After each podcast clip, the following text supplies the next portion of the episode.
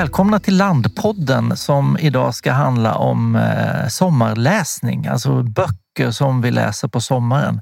Och eh, till vår hjälp för att få några helt fantastiska lästips inför sommaren så har vi Håkan Sten. Eh, Håkan Sten eh, jobbar ju på tidningen Land och är kanske framförallt känd som naturredaktör, men är också mannen som ger oss Landboken en gång varje månad. Alltså ett tips där Håkan läser boken, intervjuar författaren och sen så skriver eh, artikeln, reportaget som vi läsare får njuta av. Håkan, du är välkommen till Bokdjungeln. Tack så mycket. Jag tänker så här, eh, sommar och för väldigt många lite ledighet. Kan det bli bättre tid på året att eh, läsa böcker? Ja, det tycker jag nog. Jag tycker nästan det är den sämsta tiden att läsa böcker därför att det är så mycket annat som man vill göra för naturen är så öppen. Man vill ut i den och rota helt enkelt. Men eh, man är ju vaken länge så att det finns ju massor med tid att läsa i alla fall. Och man kan ju läsa, man kan läsa böcker i naturen. Det måste ju vara det bästa. Det kan man absolut göra.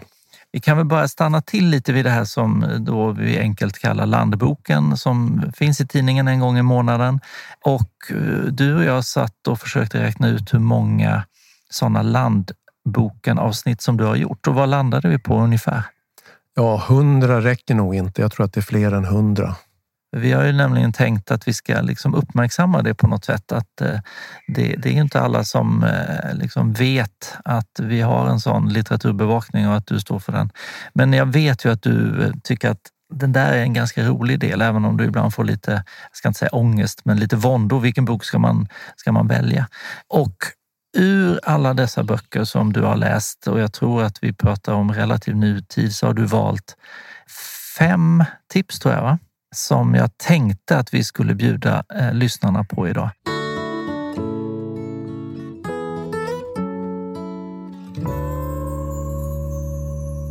Så det är väl egentligen bara att, att köra igång och, och testa tips nummer ett till sommarläsning 2021. Ja, titeln är En vacker dag eh, och den är skriven av Thomas Bannerhed som blev, som eh, blev känd för sin bok Korparna hette den väl? Eh, den har jag inte läst, men jag vet att jag ska läsa den för att där ska det finnas naturskildringar, eh, mycket om fåglar som jag är lite extra intresserad av, men även ska skriva lite självbiografiskt i den om den bondson som han faktiskt är, men som inte följde i faderns spår och möjligen till viss besvikelse, utan han ville ge sig ut och resa istället. Eh, så det är en väldigt lockande bok för mig låter ju som en eh, lockande bok utifrån liksom landläsaren också. Vi har ju såklart många som stammar från, från eh, lantbruksbakgrund och där man av olika anledningar har valt att inte fortsätta den eller så. Och så naturen som vi vet är intressant. Så. Men du, Bannerhed och Korparna, det är ett namn jag känner igen, men jag måste erkänna att jag inte läst någon, någon bok av honom. Vad är det vad är det för, typ? Är det liksom eh, klassisk litteratur eller är det någon form av självbetraktande litteratur? Eller kan du bara beskriva, vad skriver han för typ av böcker? Eh, om vi tar de två böckerna. Korparna var ju, kan man kalla en klassisk roman. Det är en berättelse helt enkelt eh, med huvudperson och så vidare. En vacker dag, den här nyutkomna boken som jag är nyfiken på nu, det är väl mer en självbetraktelsebok och inte uppbyggd som en roman med en, med en handling där olika personer ingår utan mer än hans egna reflektioner i bokform så vitt jag har förstått. Mm, okay. Ja, spännande. Och Thomas Bannerhed, han är hur gammal? 50, 60 eller något sånt där? Nej, nej, betydligt yngre. Jag har inte total koll där faktiskt, men jag gissar 40. 40 jag säger 43 då. Någonting sånt. Nej, men jag bara tänker, det kan vara intressant också att veta lite från vilket perspektiv man skriver. Liksom. Så, ja, bra.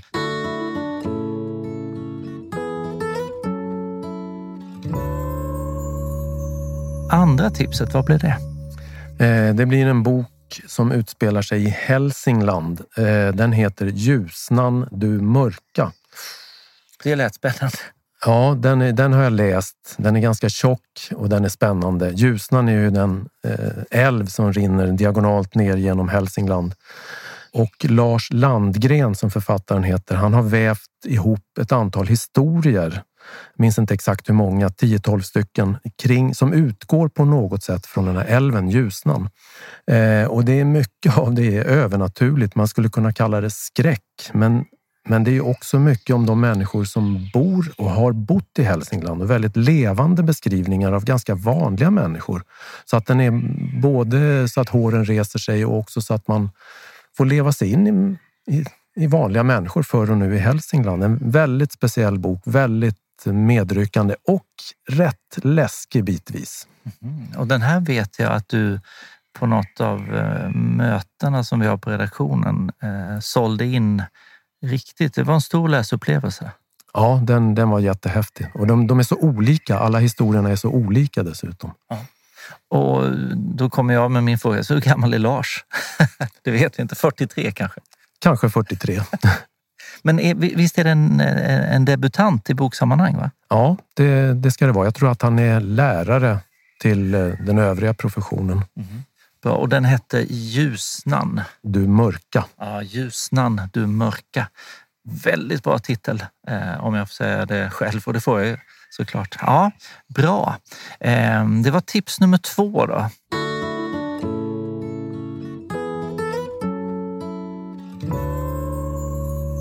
Trean, vad blir det? Eh, det blir också en nyskriven bok. Alla dessa böcker är, är nyskrivna. Eh, dag före röd dag heter den. Och dag före röd dag, det är väl något som tilltalar alla människor för då ska man ju vara ledig. Och det här handlar ju delvis om ledighet. Den är skriven av Maria Frensborg. På sätt och vis handlar det om semester eller en blivande semester, kommande semester. Pappan i familjen, en tvåbarnsfamilj, mamma, pappa, barn, barn pojke, flicka dessutom. Pappan vill flyga på charter till Mallorca och det vill barnen också.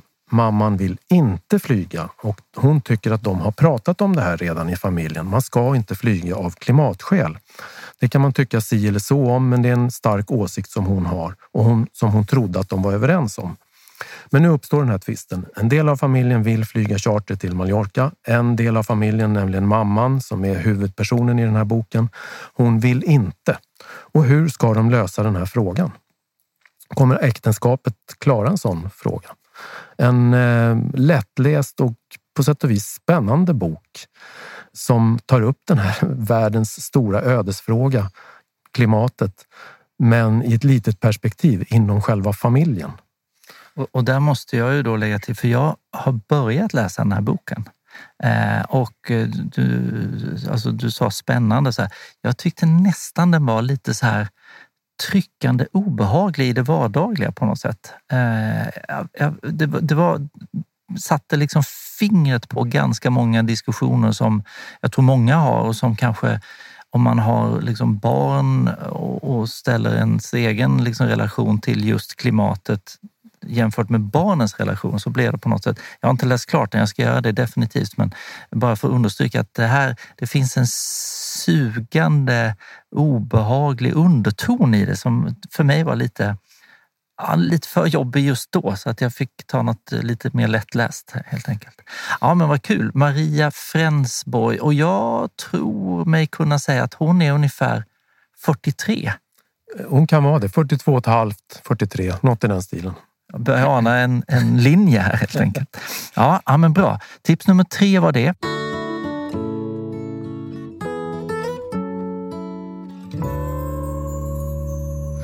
Fyran, det blir?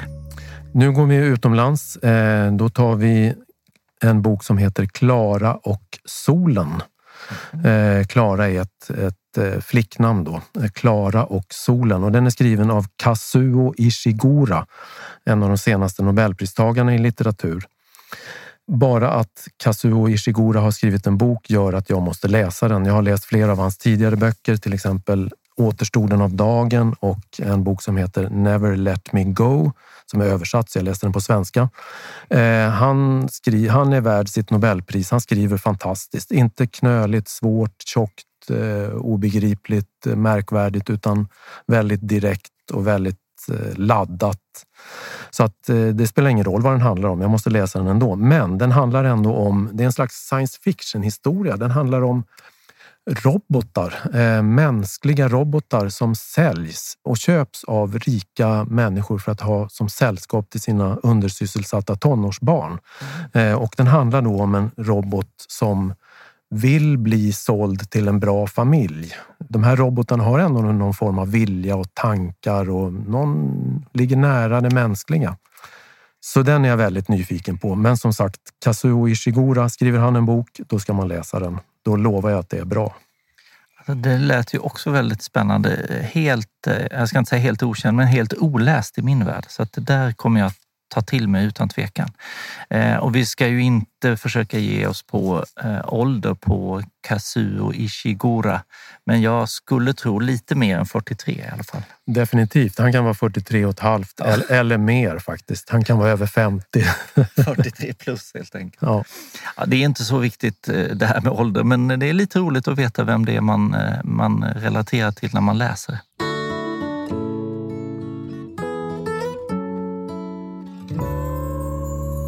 Och då har vi eh, sista tipset här, femman. Vad, vad blir det?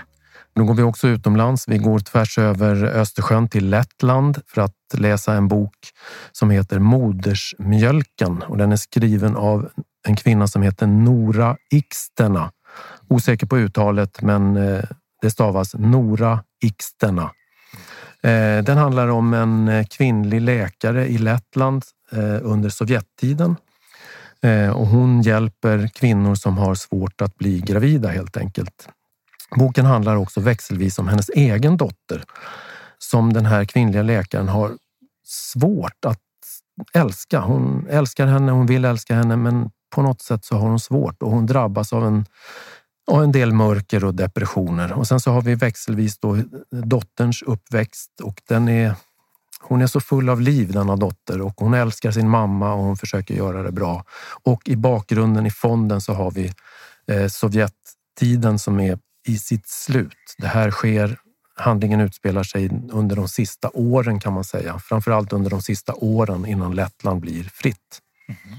Det låter ju också spännande. Också med en liten sån här oroston, i, eller liten, ganska stor oroston i, i, i botten. Helt för mig okänd också måste jag säga, men låter som en bok som man skulle gärna vilja läsa. Så då kan man bara eh, säga, vi har Thomas Bannered, vi har Lars Landgren, vi har Maria Frensborg, vi har Kazuo Ishiguro och sen så har vi då den sista Nora Ikstena eller ja, vad vi nu säger, som kommer från Lettland. Ja, men bra. Fem bra tips och med, med ganska stor eh, bredd, men alla med lite så existentiella tongångar. Ja, det är då det blir bra. Det måste ju handla om livet, döden, kärleken. Det måste vara någonting som står på spel helt enkelt för att det ska bli riktigt spännande tycker jag, eller riktigt läsvärt eller engagerande. Mm. Jag känner direkt att Ljusnan du mörka är nog den jag kommer att plocka först här. Du, du sa ju inledningsvis lite så här småjobbigt för mig att ja, men på sommaren ska man inte läsa, då ska man vara i naturen. Men om du skulle läsa, har du några sådana här nästintill drömska platser? Där läser jag mina böcker allra bäst. Absolut, det finns flera stycken. Eh, jag ligger inte på Eh, stranden och läser böcker, för jag ligger inte på stranden överhuvudtaget. Eh, men där vet jag, det tycker många är ett bra ställe att läsa och det, det kan jag gott förstå. Men mina ställen som där jag helst läser, ja, jag skulle väl hel, jag läser helst böcker på nattåget till Lappland. Eh, för där ska man tillbringa många timmar och eh, man är på väg till ett häftigt ställe men man har en massa tid att slå ihjäl och när man har tittat ut genom fönstret på alla myrar och björkar och ganska många hyggen, då kan man ju börja läsa. Så nattåget till Lappland är en underbar plats att läsa på. Mm, låter fantastiskt. Eh, man ska alltid ha med sig en bok faktiskt. Ett annat ställe där jag gärna läser och har läst en del det är om man ligger inblåst och inregnad i ett tält. Till exempel på en kobbe i skärgården som man har paddlat till men inte kan paddla ifrån för det blåser för mycket.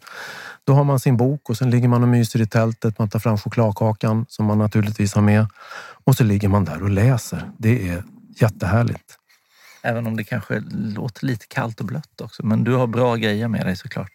Ja, det måste man ha. Tältet måste hålla undan vätan och den måste stå i blåsten. Det måste den göra. Helst ska man ju inte hamna där ute i blåsten. Man får läsa väderrapporten, men man kan ändå tycka att nej, men nu stannar vi en dag här för att få det lite behagligare väder och då läser man sin bok. Ja.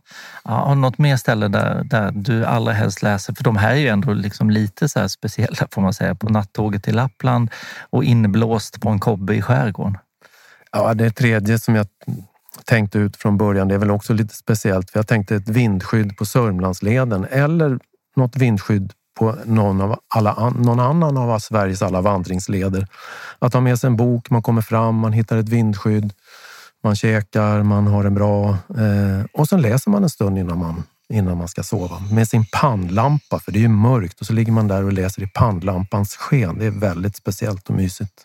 Fantastiskt och jag kan nästan bara påminna dig då Håkan om att även om jag hade fel i början så fick jag ändå rätt. För jag sa att man kan ju läsa i naturen. Och jag hade ingen aning om att du skulle dunka upp de här platserna, även om jag nog hade kunnat räkna ut det. Ja, men det, det, det låter ju väldigt bra. Jag blev väldigt sugen på den här pannlampsgrejen.